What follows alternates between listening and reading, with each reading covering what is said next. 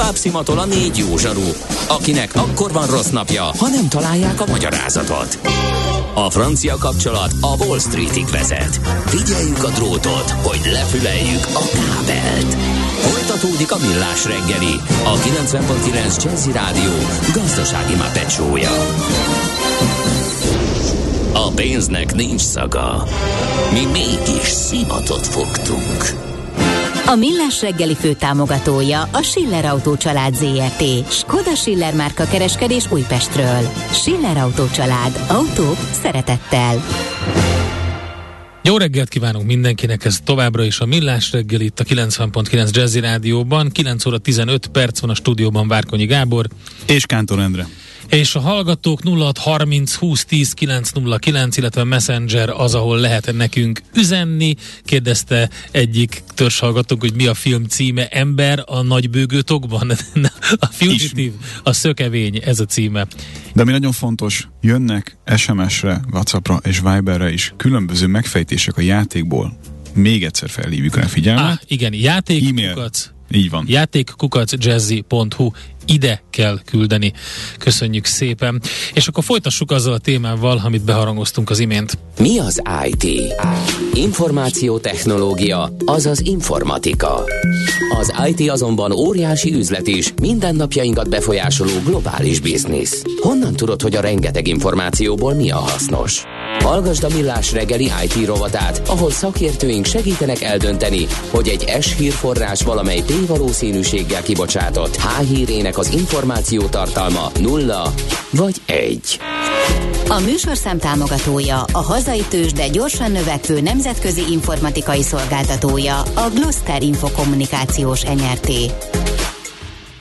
És arról fogunk beszélgetni, hogy milyen trendek vannak az adattárolási piacon, mert hogy 2020-ban több mint 64 zettabyte adat létezett világszinten, ezt talán ö, felfogni is nehéz. 21 darab nulla. Az egyes után az még van 20, 21 darab nulla. És hát ugye emellett több olyan technológia jelent meg, ami tovább növeli a keletkező adatmennyiséget. Erről beszélgettünk a Dell Technologies kettő senior rendszermérnökével, Szilágyi Bélával és Horváth Kálmánnal, akik itt vannak a vonalban velünk. Jó reggelt! Jó reggelt! Jó reggelt! Sziasztok! Jó reggelt! Sziasztok! Hallgatók! Na, hát egyáltalán ezt lehet ezt a keletkező adatmennyiséget kezelni tárolási szinten? Hát muszáj, azt gondolom. Tehát ezekkel az adatokkal valamit kezdeni kell, és ugye azt uh, kijelenthetjük, hogy azért az elmúlt 10-20 évben uh, nagyon jelentősen megváltozott a, a világ, és ez kihatott az emberi szokásokra is többek között, és az adatok egyre több értéket is képviselnek.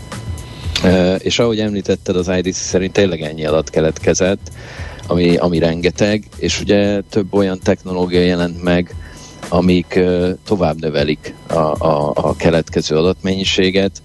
Talán jó példa erre az IoT, az Internet of Things, manapság lassan minden eszközünk csatlakozik valamilyen hálózathoz, emiatt az adatmennyiség tehát folyamatosan nő, és emiatt az adattárolási parága is jelenleg felfelé ível. Az, hogy rengeteg adat keletkezik, azt látjuk is, és ugye az majd, hogy eldönteni, hogy ebből mi a hasznos adat, az egy dolog, de hát addig valahol lennie kell ezeknek az adatoknak, mert azt úgy nem lehet útközben eldönteni. Sajnos azt előbb jól ki kell bányászni belőle. De hogy mit, mit látnak ebből az egész fejlődésből a, a hazai KKV-k, hogy ők hogy tudják lekövetni ezeket a trendeket? Más, mint egy nagyvállalatnál? Szerintem hasonló, hasonló, és ugye ez itthon is egyre inkább éreztető ez a trend, e, és, és a KKV-knak és a nagyvállalatoknak mind a kettő szereplőnek ugye egyre több adatuk, adatuk keletkezik, és ez nem csak az új technológiák megjelenésének köszönhető többek között, hanem, hanem akár a törvényi szabályozásoknak, illetve annak, hogy, hogy a cégek nem szívesen törlik az adataikat, szeretnék megőrizni, biztonságban tudni azokat, és mindez még tovább adattárolási volument indikál, hiszen ezeket az információkat hosszú távon akár még archiválni is kell. Ráadásul a különböző adatokat érdemes más-más platformon tárolni. Tehát még csak azt sem mondhatjuk, hogy egy tároló platform képes megoldani minden problémát. Hogy visszatérve az előző kérdéshez, hogy mármint hogy az előző kérdésben megfogalmaztam azt, hogy ugye a rengeteg adat keletkezik, és akkor ezeket úgy valamilyen szinten osztályozni kell. Ez így, így van. Megkülönböztethetünk struktúrált és nem struktúrált adatokat. Ez utóbbi a nem struktúrált adatok évről évre sokkal nagyobb ö, ö, mennyiségben keletkeznek. Jelenleg a becslések azok olyan kb. 80% a meglévő adatoknak azok a struktúrálatlan adatok. Erre egy példát is tudok mondani, mondjuk rengeteg felhasználója van egy egy publikus felhő alapú fájmegosztó vagy fájtároló szolgáltatásnak. Ezeken a helyeken tárolt fájlok mind struktúrált adatok, ugyanakkor struktúrált adatoknál, struktúrált adatoknál is látszik egy, egy, egy természetes növekedés, de az nem olyan mértékű, mint a nem struktúrált adatoknál. Tehát, és mindkét kategóriára van a, a Dell kínálatában különböző tároló megoldás. És egyébként az adattároló kiválasztásnál milyen szempontokat kell figyelembe venni?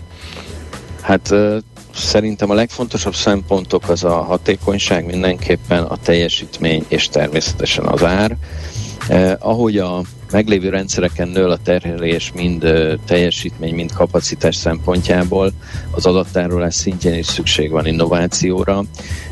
A legfontosabb innováció jelenleg talán a, mondhatjuk azt, hogy az SSD alapú adattárolás és az ehhez kapcsolódó különböző szolgáltatások, ami a, a mondjuk a deduplikációs és a tömörítő, tömörítő algoritmusok használata. Hű, ez Ugye? kicsit ilyen vadul hangzik. Mit jelent? Igen, igen, igen. Tehát Te is a... okosan próbálsz nézni, ugye? Nem, a tömörítő algoritmusból így, így nagyjából így, így tipp, tippelni tudok, bár ugye az, az is érdekes egy, egy új, új technológia, de deduplikáció az mit jelent? Hogy magától valahogy meg tudja különböztetni, hogy ne ismétlődő adatok legyenek, és foglalják a helyet? Pontosan, ez, ez körülbelül nagyon szépen megfogalmaztat, tehát ugye a tömörítés talán az kicsit egyértelműbb, hogy az mit jelent. Bizonyos adatokat tömörítő algoritmusokkal kisebb méretűre tudunk tenni. A deduplikáció pedig azt jelenti, hogy igen, azokat az ismétlődő patterneket, amik az adatban szerepelnek, azt ne tároljuk el többször, hanem, hanem csak próbáljuk meg minél kevesebb alkalommal. És akkor erre hadd mondjak egy példát, tehát mondjuk, hogyha 100 terabájt adatról beszélünk, akkor nem mindegy az, hogy azt a szá- teljes 100 terabájtot el kell tárolnunk, vagy csak annak egy töredékét. És ugye a Dell Storage portfóliójában a, ezek a mai modern all-flash tárolók, amilyen a Power Store és a Power Max, ott azt mondjuk, mint mi a gyártó, hogy 4 az egyes adatredukciót garantálunk az ügyfeleknek, és erre garanciát is vállalunk, azaz ha példánál maradunk ennél a 100 terabájtos példánál, akkor ezek az eszközök 25 terabájton eltárolják ezeket az adatokat. És ha ez az arány a nap végén alacsonyabb a 4 az 1-nél, akkor a Dell Technologies a vásárolt kapacitás akár 50%-ával kárpótolja az ügyfeleket, tehát erre garanciát is Igen, van egy ilyen garancia. Érdekes egyébként, mert józan parasztéssel azt gondolnánk, hogy hát a, most ez az adat az most nullák meg egyek. Hát most akkor hogy lehet a, a, a 100 terabájtnyi adatot 25 terabájtba összesűríteni? Nyilván hallottunk már különböző tömörítési eljárásokról, de hát úgy, úgy gondolom, hogy így a végtelenség nem lehet tömöríteni. Ez mégis elég nagy aránynak tűnik. Igen, végtelenség nem lehet tömöríteni, és ugye azt sem felejtsük el megemlíteni, hogy léteznek olyan típusú fájlok, tipikusan a, a, a média fájlok, uh-huh. az audio-videó fájlok, illetve mondjuk a bináris fájlok, amiket, amik már alapvetően nagyon komolyan be vannak tömörítve, tehát ezekkel a típus adatokkal ezek a technológiák sem tudnak meg ö, küzdeni, tehát ott nem fog ez az előny jelentősen érvényesülni, viszont egy teljesen általános, konszolidált adatközponti környezetről, beszélünk, ahol alkalmazás szerverek, relációs adatbáziskezelők, a, tehát tudom, ilyen fájszerverek, ilyen szolgáltatások vannak, ott, ott tud működni ez a, az adatredukciós arány, és ugye egyáltalán nem mindegy, hogy a nap végén tényleg 100 terabájtot kell eltárolnunk, vagy csak annak a töredékét kell eltárolnunk. Hát meg gondolom, És akkor ez a cég, cég függő ez a dolog, tehát hogy, hogy pont mire van szüksége egy cégnek, ez, ez mindenkinél más máshogy jelentkezik. Ez, ez így van, és emiatt én azt gondolom nagyon fontos az, hogy a, ez a mi feladatunk, hogy, hogy megfelelő konzultációt nyújtsunk a, az ügyfeleinknek, és hogyha mondjuk az ügyfél szeretne egy gyors all-flash uh, megoldást, tehát egy ilyen félvezető alapú médiákból álló megoldást, aminek jó a, a, ez az adat csökkentő uh, funkciója, akkor a, a Power Store, illetve a Power Max, a helyen tárolónk az egy, az egy jó irány lehet. Ha a konzultáció során azt az információt kapjuk, hogy az ügyfélnek sok struktúrálatlan adata van, tehát audio, videó fájlok, amikről beszéltünk az előbb, akkor pedig van egy másik platform, uh, ilyen a PowerScale és az ECS, az Elastic Cloud Storage, ez kifejezetten struktúrálatlan adatok tárolására lett uh, kifejlesztve. És hogy ezzel kapcsolatban mit hoz a jövő, é, talán ez a személyes véleményem többek között, hogy pár éven belül ha a fajlagos költsége a félvezető alapú médiáknak a, forgódiszkek szintjére tud csökkenni, e, ha ez megtörténik, és már pedig valószínűleg meg fog történni, akkor már senki nem fog forgódiszkeket használni az adattárolóiban, mivel a, az SSD-k, a félvezető alapú médiáknak a, a megbízhatósága és a teljesítménye e, sokkal jobb, mint a hagyományos forgódiszkeknek. Azt kéri a hallgató, hogy beszéljünk a Thin Provisionről, provisionről bocsánat. Igen, a sync provisioning is egy fontos uh, szerepe a mai modern adattárolóknak, tehát ez pedig ugye abból áll, hogy, hogy amikor egy alkalmazásnak, egy szolgáltatásnak mondjuk szüksége van uh, 100 gigabyte tárhelyre, ezt megkapja a tárolótól, de valójában Hopp, most uh, úgy tűnik, hogy Kálmánt elvesztettük a... Provision van. De, de vissza fog szerintem térni ide, de um, akkor viszont uh, Bélától kérdezném, és dobjunk be egy újabb um, kifejezést itt a Synprovision mellett, a, a hiperkonvergens infrastruktúra. Na ez, ez, ez miért jó az ügyfélnek? Az agyad meg Mire jó egy ez? pillanatra. Látom, púzzál. Szervusztok, engem hallotok? Igen. Igen. Szóval mi ez a hiperkonvergens infrastruktúra? Szóval igen, az IT-ban mostanában ez is egy nagyon-nagyon divatos téma, a hiperkonvergens infrastruktúra.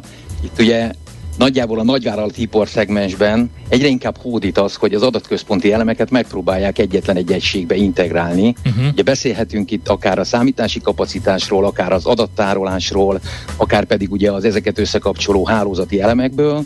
Ezeket, ha szépen összeintegráljuk egy egységbe, akkor megkapjuk azt az egyetlen építő elemet, ami a hiperkonvergens infrastruktúrának az alapépítőköve.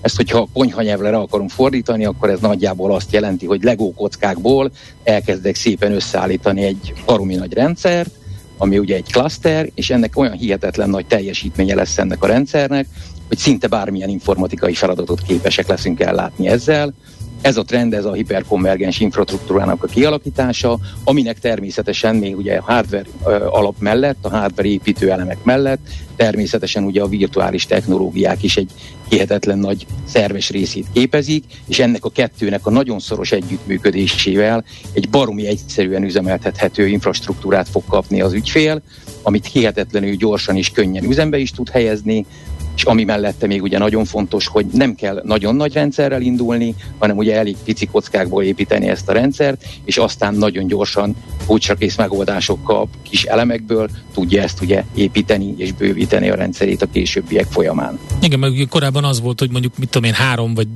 de egyszerűsítsük, hogy három megoldás közül lehetett választani, és akkor azt, azt, azt, azt a megoldást azt teljes mértékben be kellett építeni hardware szinten, szoftver szinten, hogy tudjon valamit kezdeni vele az ügyfél, függ függetlenül attól, hogy mondjuk mit tudom én, ő mit szeretett volna. De így, így akkor ezek szerint e, sokkal kisebb szinten el tudja kezdeni, és akkor skálázhatja a megoldást a, a, ahhoz képest, hogy ő mit szeretne elérni.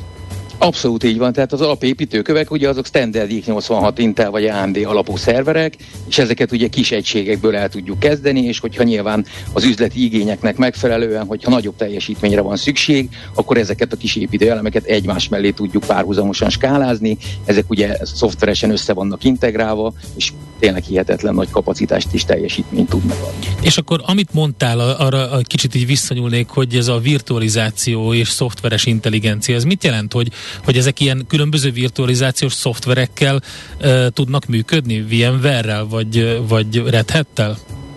Így van, abszolút, abszolút igazad van. A, ugye, ugye nagyon-nagyon fontos az, hogy amellett, hogy a hardware e, teljesen jó működik, és, és, és szépen tudjuk, tudjuk skálázni, ez mindenképpen szükséges. Ugye manapság mindenki, én azt gondolom a cégek, a, főleg a nagy cégeknek a nagyon nagy százaléka ugye használ valamiféle virtualizációt, legyen ez Microsoft alapú, VMware alapú, vagy akár Red Hat alapú integráció.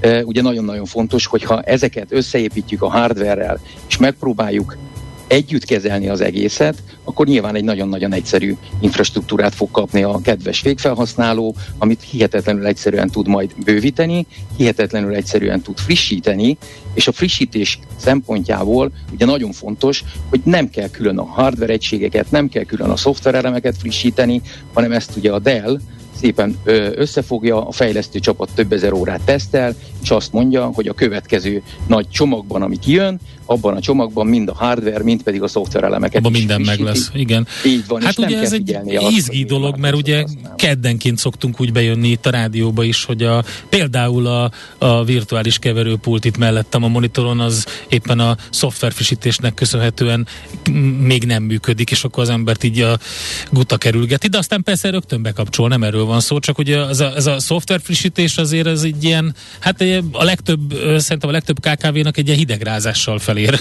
A legtöbb átlag usernek is. komoly feladat ez. Igen. Én is azt gondolom, hogy ez egy hihetetlenül nagyon komoly és bonyolult feladat ezeknek a compatibility matrix, matrixait ellenőrizni, hogy mitől függ, melyik függ, melyik szoftvert, milyen hardware tudom együtt használni, és hogyha ezt a gyártó valóban megteszi a számunkra, hogy ezeket az összefüggéseket ő átböngészi és leteszteli, akkor hihetetlenül sok energiát meg tudunk takarítani. Igen, ráadásul az a tesztelés az még nagyon fontos, mert ott van gondolom egy több órás teszt uh, még a még a frissítés előtt, ami, ami alapján nyugodtan rá lehet frissíteni a rendszerre.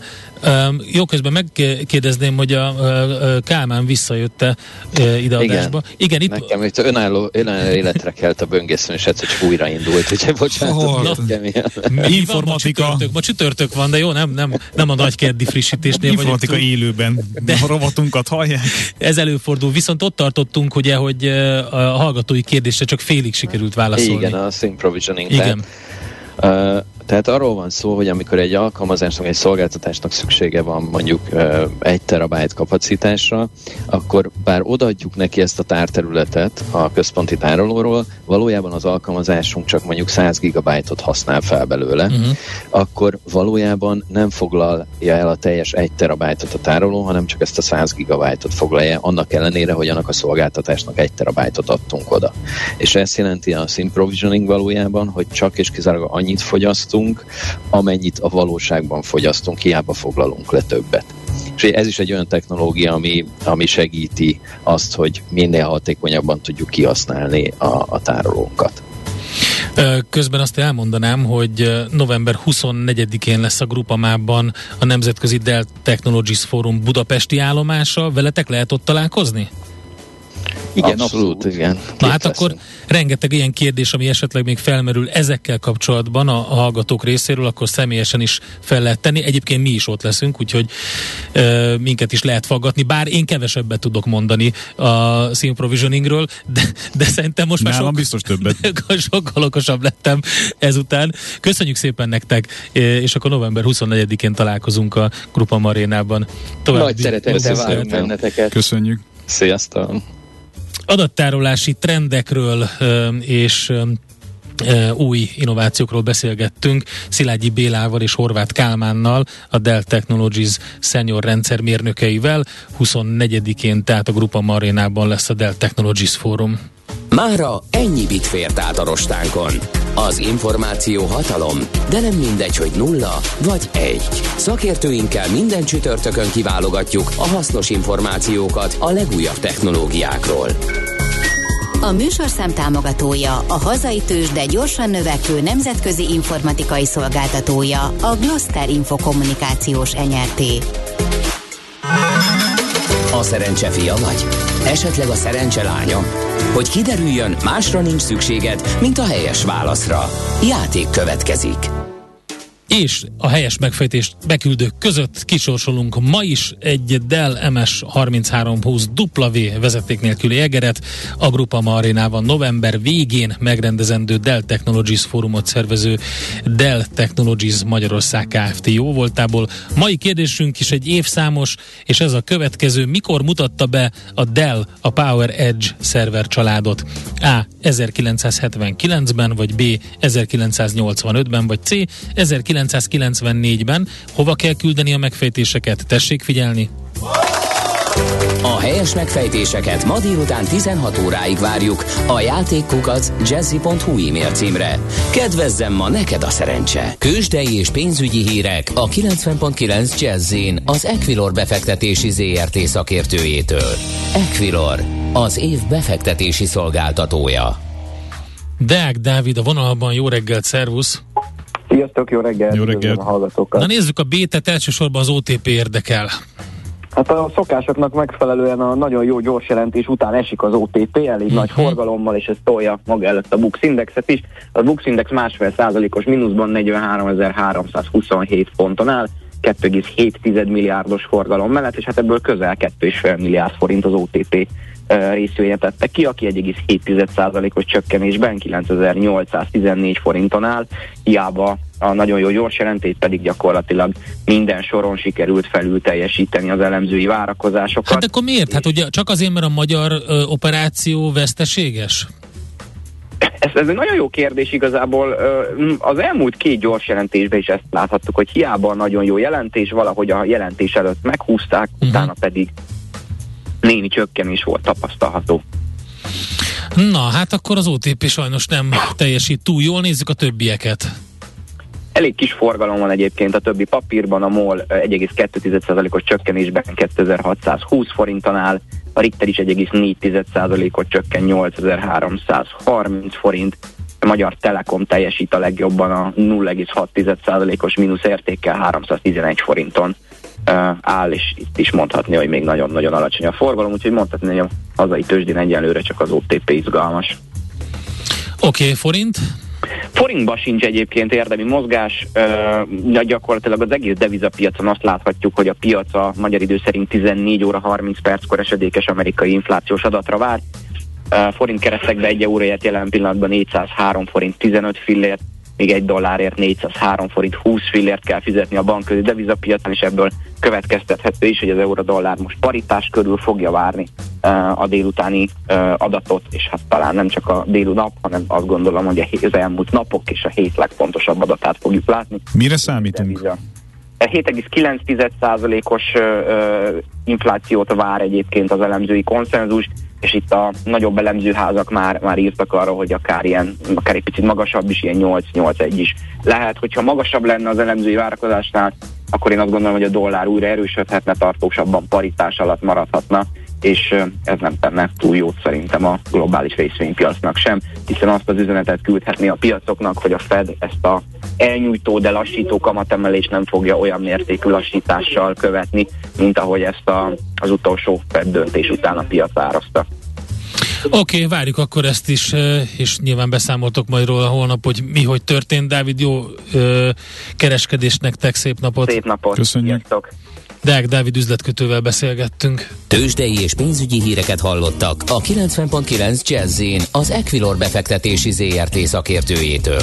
Equilor, az év befektetési szolgáltatója. NOPQ, a nagy torkú. Mind megissza a bort, mind megissza a sört. NOPQ, a nagy torkú. És meg is eszi, amit főzött. Borok, receptek, éttermek.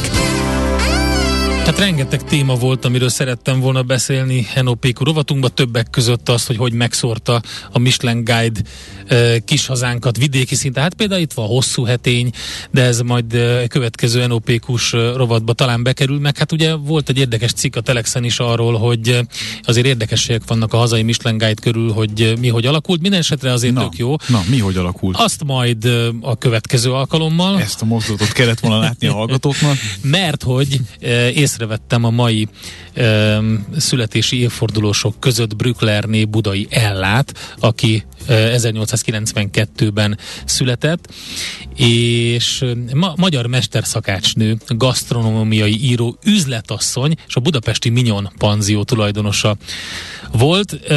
Nagyon érdekes az életének a története. A mit, hogyan, mennyit főzzek, és az így főzünk ma szakácskönyveket nagyon sokáig a szakiskolákban tankönyvekként használták, de hát az egy dolog, hogy tankönyvekként használták. Szerintem a a 60-as, 70-es éveknek a háziasszonyainál ez egy ilyen nagyon sűrűn forgatott, tehát sőt, talán 80-as években is sűrűn forgatott könyv volt mind a kettő. Nagyon érdekes az életének a története, mert a rákosi rendszer ellenségként kezelte. Ki Ugye a kulák, kulákként kezelték őket, kitelepítették vidékre. É, aztán később enyhült csak a helyzet körülött az 50-es években, és a, a Váterv üzemi konyhájának lett a vezetője, és, Milyen jó jártak vele, nem? Hát jó jártak vele, de volt egy kikötése, hogy csak úgy vállalta el a feladatot, hogyha autóval jönnek érte minden reggel, és utána autóval haza is viszik. Ugye a fekete autó az ő érte nem azért ment, mint másokért. Minden esetre nagyon érdekes a, a, a, a, a történet. Ugye ez a Mignon Panziós sztori azért is érdekes, ez, ez az egyetem tér 5 volt az 20-as évektől a 49-ig vezette a Mignon Panziót. A férje irodája is ott működött, és ugye egyetemtér 5, ez, ez a, jogi karra szemben lévő épület. Ott egyébként a helyén a, a, a panzió, Mignon Panziónak ott nagyon sokáig működött egy, egy most nem tudom mi van ott. Étterem szerintem most. Most is, is egy étterem vagy... van ott, igen, nagyon sokáig. Vagy valami kocsmaszerűség. Az, az biztos, hogy az sokáig egy étteremként működött, és utána lett belőle, hát különböző vendéglátó egységek működtek. Minden esetre ha, ha utána nézzünk a, a családi hátterének, az is nagyon izgalmas. Prósznefalvi Budai Plichta Gabriella Margit Mária néven született ő. Kérlek még egyszer. Prósznefalvi Budai Plichta Gabriella Margit Mária. Ez volt egyébként a e, született ő. Ez és egy polihisztor gyakorlatilag. Abszolút. Tehát, hogyha valaki csak odáig elmegy, hogy a Wikipédián föl ö, keresi a, az oldalát, hát ö, fele ennyi műveltséggel is szerintem nagyon Igen. büszkének lehetne lenni az életben. Plihta Soma, Losonci tisztifőorvos királyi tanácsos unokájaként látta meg a napvilágot. Madács Imre barátja volt ő egyébként, és nem csak ilyen irodalmi vonatkozásai vannak még e, neki, hanem a Minyon panzióban e, lakott e, nagyon sokáig az ott Ottlik Gézának az édesanyja, és Budai Jellának a barátnője volt. És Ottlik meg is emlékezik róla a Buda című művében, ír róla többet. Szóval minden esetre az volt, talán azt írtam róla hogy a felkészítőbe, hogy a magyar Julia Child is lehetett volna. Nem tudom, Julia Child karakter megvan-e. Tehát ugye a, a sok, sok amerikai számára megfoghatatlan és nagyon különleges és olyan módszerekkel dolgozó francia konyha konyhát, amit őt nem ismertek. Uh-huh. A Julia Child vitte be, leegyszerűsítve a köztudatba, elmagyarázta, hogy kell csinálni, nagyon jó megmutatta a könyveiben, tévéműsorában, hogy hogyan kell főzni, és lényegében ezt csinálta a Brücklerné Budai Ella is az ő könyveivel. Vannak, hát az egyik legfontosabb dolog az az volt, ugye, hogy hogy a nőknek a munkába járása, ugye a napi 8 óra munka, az nem volt annyira korábban bevett dolog. De a, a, hát a kommunista rendszerben ugye mindenkinek el kell menni dolgozni, van. és hát emellett ugye nyilván el kellett látni a családot. Ö, és ugye ehhez jött hozzá az, hogy hát nem volt mindig alapanyag, nem volt mindig elég pénz. Improvizálni kellett. Improvizálni kellett, gyorsan kellett elkészíteni a dolgokat, és hát ebben ugye ez a mit hogyan főzzek könyv például nagyon érdekes. Gyorsan elkészíthető receptekre volt szükség, és ráadásul vannak ilyen gyors vacsorák, te szendvicsek, ilyen fejezetek, de a kedvenc ez a pénztárca kímélő vacsora, ez a gyors vacsorák címűből van, darakrémleves, tojáslepény zöldborsóval. És akkor a következő, először a zöldborsót tesszük fel. Párolni, ezután elkészítjük a levest, közvetlenül tálalás előtt sütjük ki a lepényt. Pont. De természetesen megvan az, hogy, hogy megy, tehát a, ked, a kedvencem az, hogy mindenhol táblázatokat használt. És pontosan a könyvekben le van írva, hogy egy főre hogyan mennyi kell, alapanyag, mennyi alapanyag uh-huh. kell. Tehát például mondjuk egy párolt káposzta körethez meghatározta, hogy hány deka hagyma, hány deka káposzta kell hozzá, de mondjuk az összes főzeléknél egy főre lemondva megtalálod azt, hogy a zöldborsó főzelékhez, hogyha habarni akarod, akkor ahhoz mennyi liszt kell, mennyi zöldborsó kell, és, és szépen a receptben nincs ez így részletezve, hanem a mellékel táblázatokban van leírva, hogy ezt egyébként hogy kell elkészíteni, hogyha három fővel számolsz, hogyha négy fővel. Mert ugye valljuk be, hogyha most elolvasol egy receptet, akkor az nem felelne meg a 60-as, 70-es években, hiszen hogyha mondjuk egy négy főre vagy nyolc főre készült receptet olvasol, akkor egy nagyon sok alapanyag olyasmi, amit hát vagy nem tudtál beszerezni, vagy nem volt annyi, és hát nagyon takarékoskodni kellett. Hogy pontosan meg kellett határozni. Egy főre pontosan kiszámította, hogy ez, eh, hogy ez eh, hogyan eh, legyen.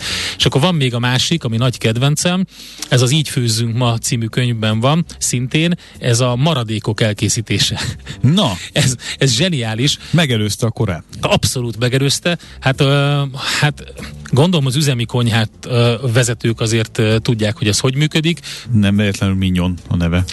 ezt, ezt többször el szoktam mondani, hogy a, a Magyar Rádió nagy konyhájában, ahol ugye az akkori 900 ezer fő dolgozót el kellett látni mindig, az nyomon lehetett követni egy alapanyagnak a metamorfózisát hétfőtől péntekig. Há, Tehát az úgy nézett ki, hogy előbb-utóbb valahol biztos, hogy volt uh, valami töltött vagy rakott étel, pénteken pedig általában volt hortobágyi húsos palacsinta. Ezt akartam Tehát mondani, hogy a vége az mindig a hortobágyi húsos palacsinta. De azt tudod, hogy a, a, a zöldborsó főzelékből lett a zöldborsó leves, és utána pedig a a zöldségropogós. Tehát, hogy valahol szerda csütörtök magasságában előkerült egy zöldségropogós a menüben, mert hát ugye ezeket úgy, úgy készítették. Egy röszti. Igen, egy, egy röszti. De nagyon jó pofa, szóval egyébként leírja a budai ella, hogy a főzelékek maradék főzelékekből leginkább leveseket készíthetünk. Nem teszünk egyebet, mint a főzeléket vízzel, vagy esetleg, ha a leves jellege úgy kívánja, vízezett tejjel felhigítjuk, majd utána ízesítjük, hiszen a folyadék többlet miatt ízetlenebbé válik. A paraj és a zöldborsó főzelék maradékokat befőzhetjük egészen sűrűre, mert így omletteket is tölthetünk vele.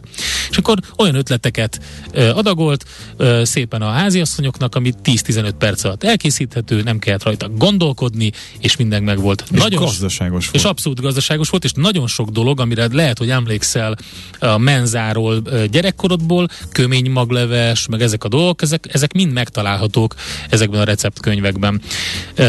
Volt egy dolog, amit még el akartam mondani. Ja igen, a szendvicseknél van az a szendvicsek, te a sütemények. Azt mondja, hogy néhány szendvics leírását azért tartottam érdemesnek tenni, mert bár minden háziasszony tud szendvicseket készíteni, mégis, ha arra kerül a sor, rendszerint zavarban vannak, kapkodnak és össze-vissza vásárolják a szendvicsre rakható húsféleségeket.